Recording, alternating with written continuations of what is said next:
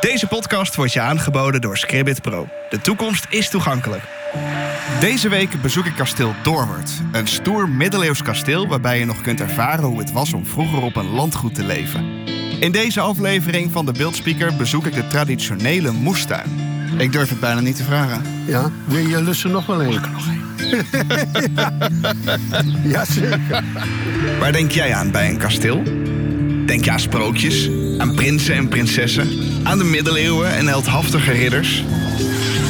In deze podcastreeks ga ik, Ferry Molenaar, op zoek naar de geheimen en schoonheden van de Gelderse kastelen. Want hoewel iedereen wel een beeld heeft bij kastelen, zegt dat nog niets over de echte kasteelverhalen. Daarbij heb ik een voordeel. Ik ben namelijk blind. Hierdoor stel ik andere vragen dan jij misschien zou doen. Waardoor ik bijna letterlijk voorbij het beeld kan spieken. Voorbij het beeld kan spieken. Ga je mee?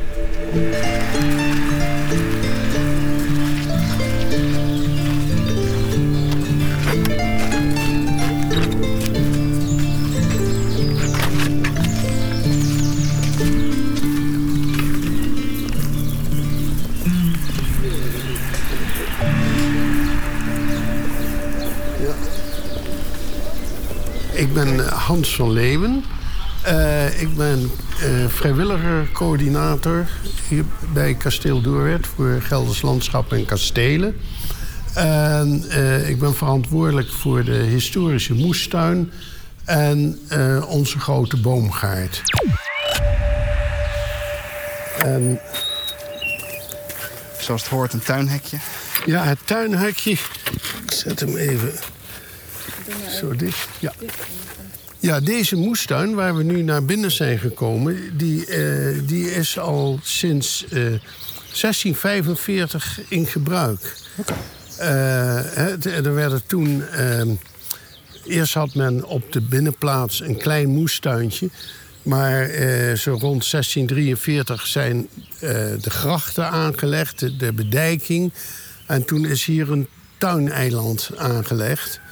En ehm, dat was ehm, ja, om het kasteel van ehm, groenten en kruiden te voorzien. Maar ook eh, van mooie bloemen. En wat wij dan ook in die oude tuinboeken lezen... eh, er moest ook een, eh, een stuk zijn met welriekende planten. Zoals rozen en andere geurende planten. Eh, want de, de adellijke dames die- wilden niet alleen maar gewoon een, een, een, een, eh, zeg maar een boerenmoestuintje. Nee, het moest een mooie tuin zijn. En men moest daar kunnen flaneren. Hè, dus dat werd echt heel prachtig aangelegd. En ehm, ja, we zijn nu hè, in, in juni. ehm, dat alles heel mooi opkomt eh, en alles bloeit mooi. Dus we hebben hier rozen, we hebben ietsje verder de bonte salie, maar ook kruiden. We hebben hier bijvoorbeeld, ik pak nu even een stukje eh, dragon. En eh, ik hou het even onder uw neus. Ruikt u het? Ik ruik het, ja. Maar ik dat weet niet is- zo goed hoe ik hem zou moeten omschrijven. Ja, Maar, eh, het is een beetje, scherp of zo. ja, een beetje anijsachtige smaak. Ja. dropsmaak. Drops, ja. en het is ook heerlijk om dat te mengen met bijvoorbeeld mayonaise. Het wordt in, de- echt in de betere keuken gebruikt. Ik Hey, zal maar het weer hoe, aan. hoe authentiek is deze... Nou, moestuin? de- deze, is, eh, deze tuin, ehm, die proberen we zo authentiek mogelijk te houden en te eh, maken. Het is dus echt eh, bedoeld als een tentoonstellingstuin om eh, de periode te laten zien eh, van eh, 1650 tot 1850. Eh, wat er toen allemaal verbouwd werd en, en hoe er geteeld werd. En hoe zo'n tuin gebruikt werd. En ehm, wij kunnen dat eh, beeld kunnen wij terughalen aan de hand van oude tuinboeken. Eh, een van de eerste boeken die wij gebruikt hebben is het boek van Jan van der Groen. Dat was de hovenier van eh, de stadhouders Frederik Hendrik en eh, Willem II. En die heeft een boek geschreven, De Nederlandse Hovenier. eh, waar hij al die ehm, indelingen van die tuinen heeft beschreven. En welke gewassen daarin moesten staan. Hoe je ze moest stelen. En dat is eigenlijk onze basis. Oké. Dus wij hebben ook heel veel, ja, zeg maar, vergeten groenten. Eh, historische gewassen. Ja. Dat hebben we van her en der weer terug kunnen halen. En, ehm, en dat hebben we dan hier eh, ook weer eh, in de tuin gezet. Ja, wat, is er dan anders aan? Want ik denk dat. Ik heb zelf dan geen moestuin, maar eh, ik ken er genoeg mensen die, die er wel eentje hebben. Wat maakt het hovenieren in deze tuin dan anders dan het moderne hebben van een moestuin? Ehm, nou, ehm, vooral bijvoorbeeld dat wij hier veel vergeten groenten verbouwen... die eh, men tegenwoordig ook niet meer in een moestuin verbouwt. Ja. Eh, er is bijvoorbeeld een, een hele oude eh spinaziesoort... eh, met de prachtige naam Brave Hendrik. Maar die is heel bitter en, en, en vezelig. En dat wil dus niemand meer eten. Hè? Heel veel eh, groenten zijn vergeten, omdat ja, wij, wij hebben nu eh, zeg maar meer eh, nieuwe, nieuwe rassen groenten die, die smakelijker zijn. Die, Ja. waar, waar je niet zo hard op hoeft te kauwen. Hè? Want vroeger eh, moest je toch op een hoop dingen veel beter kauwen om het Wat eigenlijk wel goed is. Wat heel goed is. Ik ben, ja. zelf aan het afvallen en er wordt Ja. iedere keer gezegd: goed kouwen. Goed kauwen, ja. ja. en dat, dat- dat is gewoon een oud, oude wijsheid die nog steeds geldt. Ja. En dat, dat lezen wij dus ook in al die boeken van hoe, de teeltmethodes, hoe je dat toen moest doen. Ja. En, ehm, wat je dus ook ziet in een moderne ehm, tuinbouwteelt. ehm, men gebruikt allerlei eh, pesticiden, fungiciden, eh, Ja. allerlei bestrijdingsmiddelen. En hier wordt dus helemaal niks gebruikt, want men had die middelen nog niet. Nee, het is gewoon lekker natuurlijk. Het was puur natuur. Ja. En we hadden wel eh, bijvoorbeeld de tuinbaas, die, die, eh, daarom hebben wij ook op alle hoeken van die rechthoeken eh, staan rozen. Die zijn het meest gevoelig voor luis. Ja. En voor eh, schimmels, zoals meeldauw. En dan wist de tuinman, ah, ik moet toch wat doen.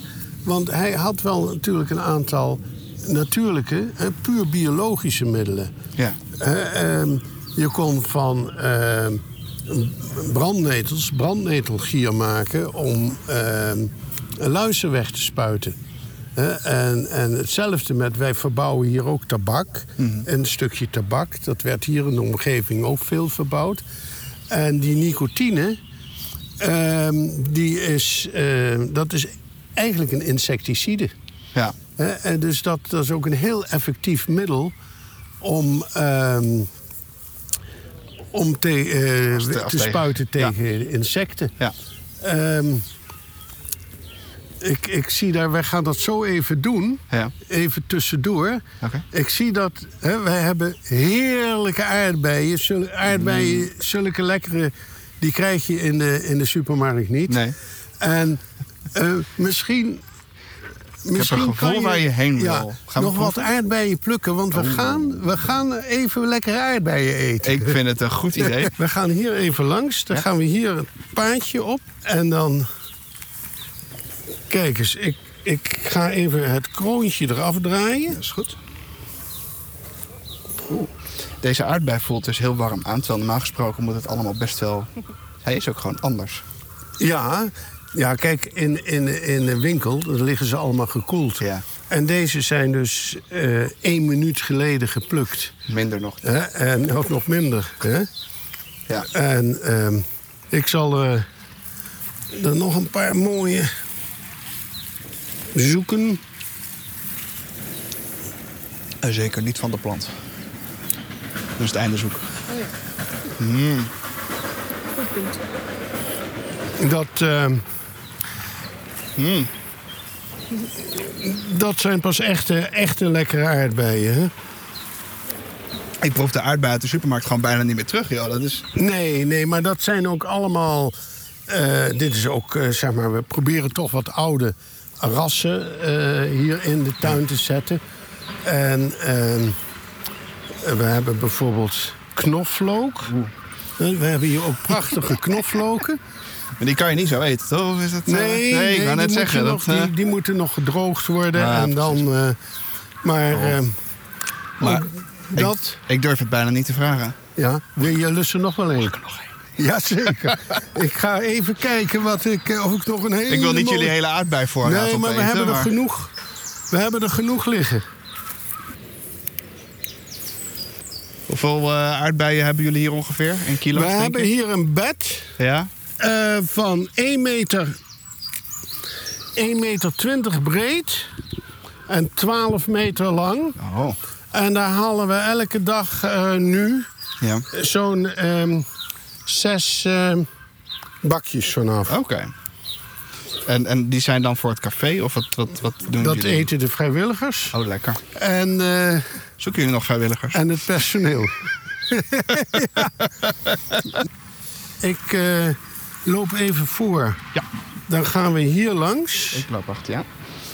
En we hebben hier een hele mooie rozenboog gemaakt. Ja. We staan zeg maar nu op het kruispunt van de, van de hoofdvakken. Ja. En daar hebben we dus ook eh, op dat kruispunt hebben we van die eh, ijzeren staketsels waar die klimrozen in groeien. Oké. En dat hebben we zo naar elkaar toegebogen. Dus dat is een hele mooie rozenboog. ehm, die nu op dit moment vol zit met dit soort geurende rozen. Leuk. En ehm, nou, we hebben hier een klein boomgaartje Ja. met eh, fruitbomen. En het is ook allemaal van die, die oude, oude fruitrassen. Zoals eh, hier staat een, een zoete ermgard. Ook die oude rassen hebben van die, soms van die mooie namen. Ja, ik kan het zeggen, dat zegt mij niks. Want nee, een- nee die, maar die zie je ook niet meer in, in, in de winkels Nee. liggen. Maar dat is een... een, een... Een appel. Appel.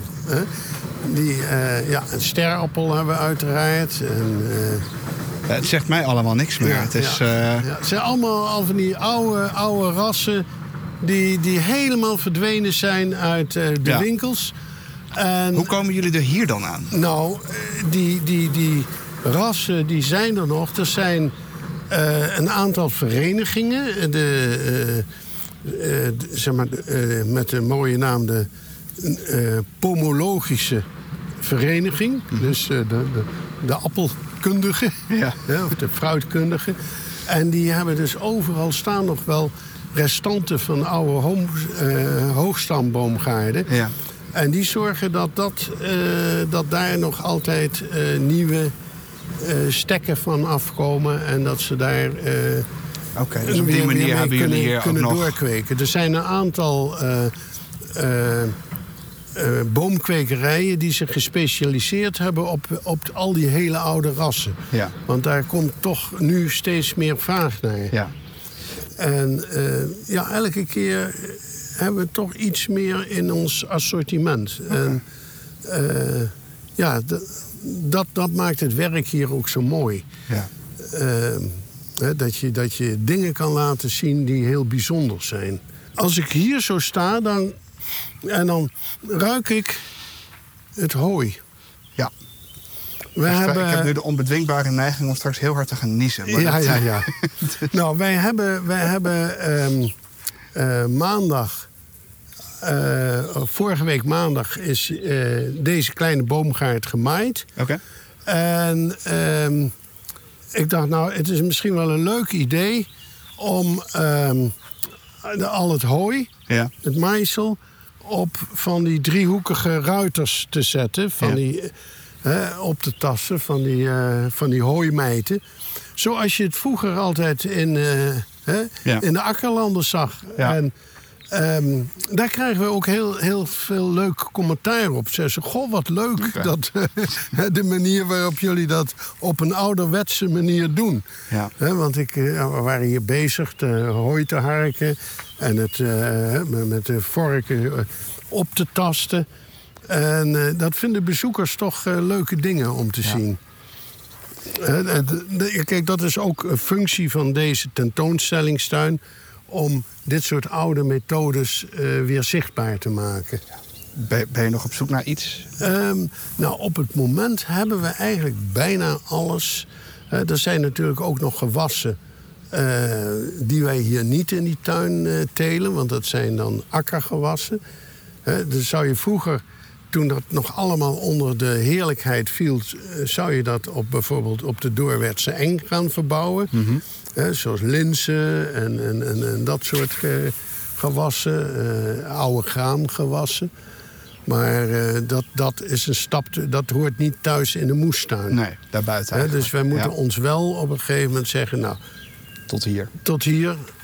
Dit, dit, eh, dit is ons kader en daar Ja. moeten we niet te veel buiten gaan. Nee. Wil je ook genieten van de traditionele moestuin bij Kasteel Doorwerd? De geuren opsnuiven of ouderwets flaneren? Kijk dan op de website van Kasteel Doorwerd voor prijzen, openingstijden en rondleidingen. Een link naar deze website kan je vinden in de beschrijving van deze podcastaflevering. En als je ook zin hebt in een lekker aardbeidje, eerst even vragen. hè? Deze podcast wordt je aangeboden door Scribbit Pro. Ik ben Ronald Posma, ik ben 41 jaar. En eh, nou, ik ben eh, zeer slechtziend tot praktisch blind. Ik zie eigenlijk alleen nog maar contouren en hier en daar wat kleur. En eh, vooral lichtbronnen, en daar houdt het wel een beetje mee op. Waar denk je aan als ik begin over kastelen? Ja, dan ga ik meteen denken aan, aan, aan ridders en aan grote stenen gebouwen met een eh, poort ervoor, gracht eromheen en eh, zo'n brug die je op kan takelen en dat soort dingen. Ik heb als kind wel een aantal kastelen bezocht. Ja, ik kan me vooral herinneren dat er inderdaad van die eh, harnassen stonden, zoals eh, die ridders toen aan hadden. vond ik natuurlijk als kind heel indrukwekkend. En ja, dat die ruimtes voor mijn gevoel toen best nog wel groot waren. Maar dat vertekent natuurlijk omdat je zelf heel klein bent. Dus dat, eh, dat is me vooral bijgebleven. Is er iets veranderd aan je beeld na het luisteren van deze aflevering? Ik had niet direct meteen bij een eh, moestuin gedacht. Als je aan kastelen denkt, maar ja, dat is natuurlijk wel een belangrijk onderdeel.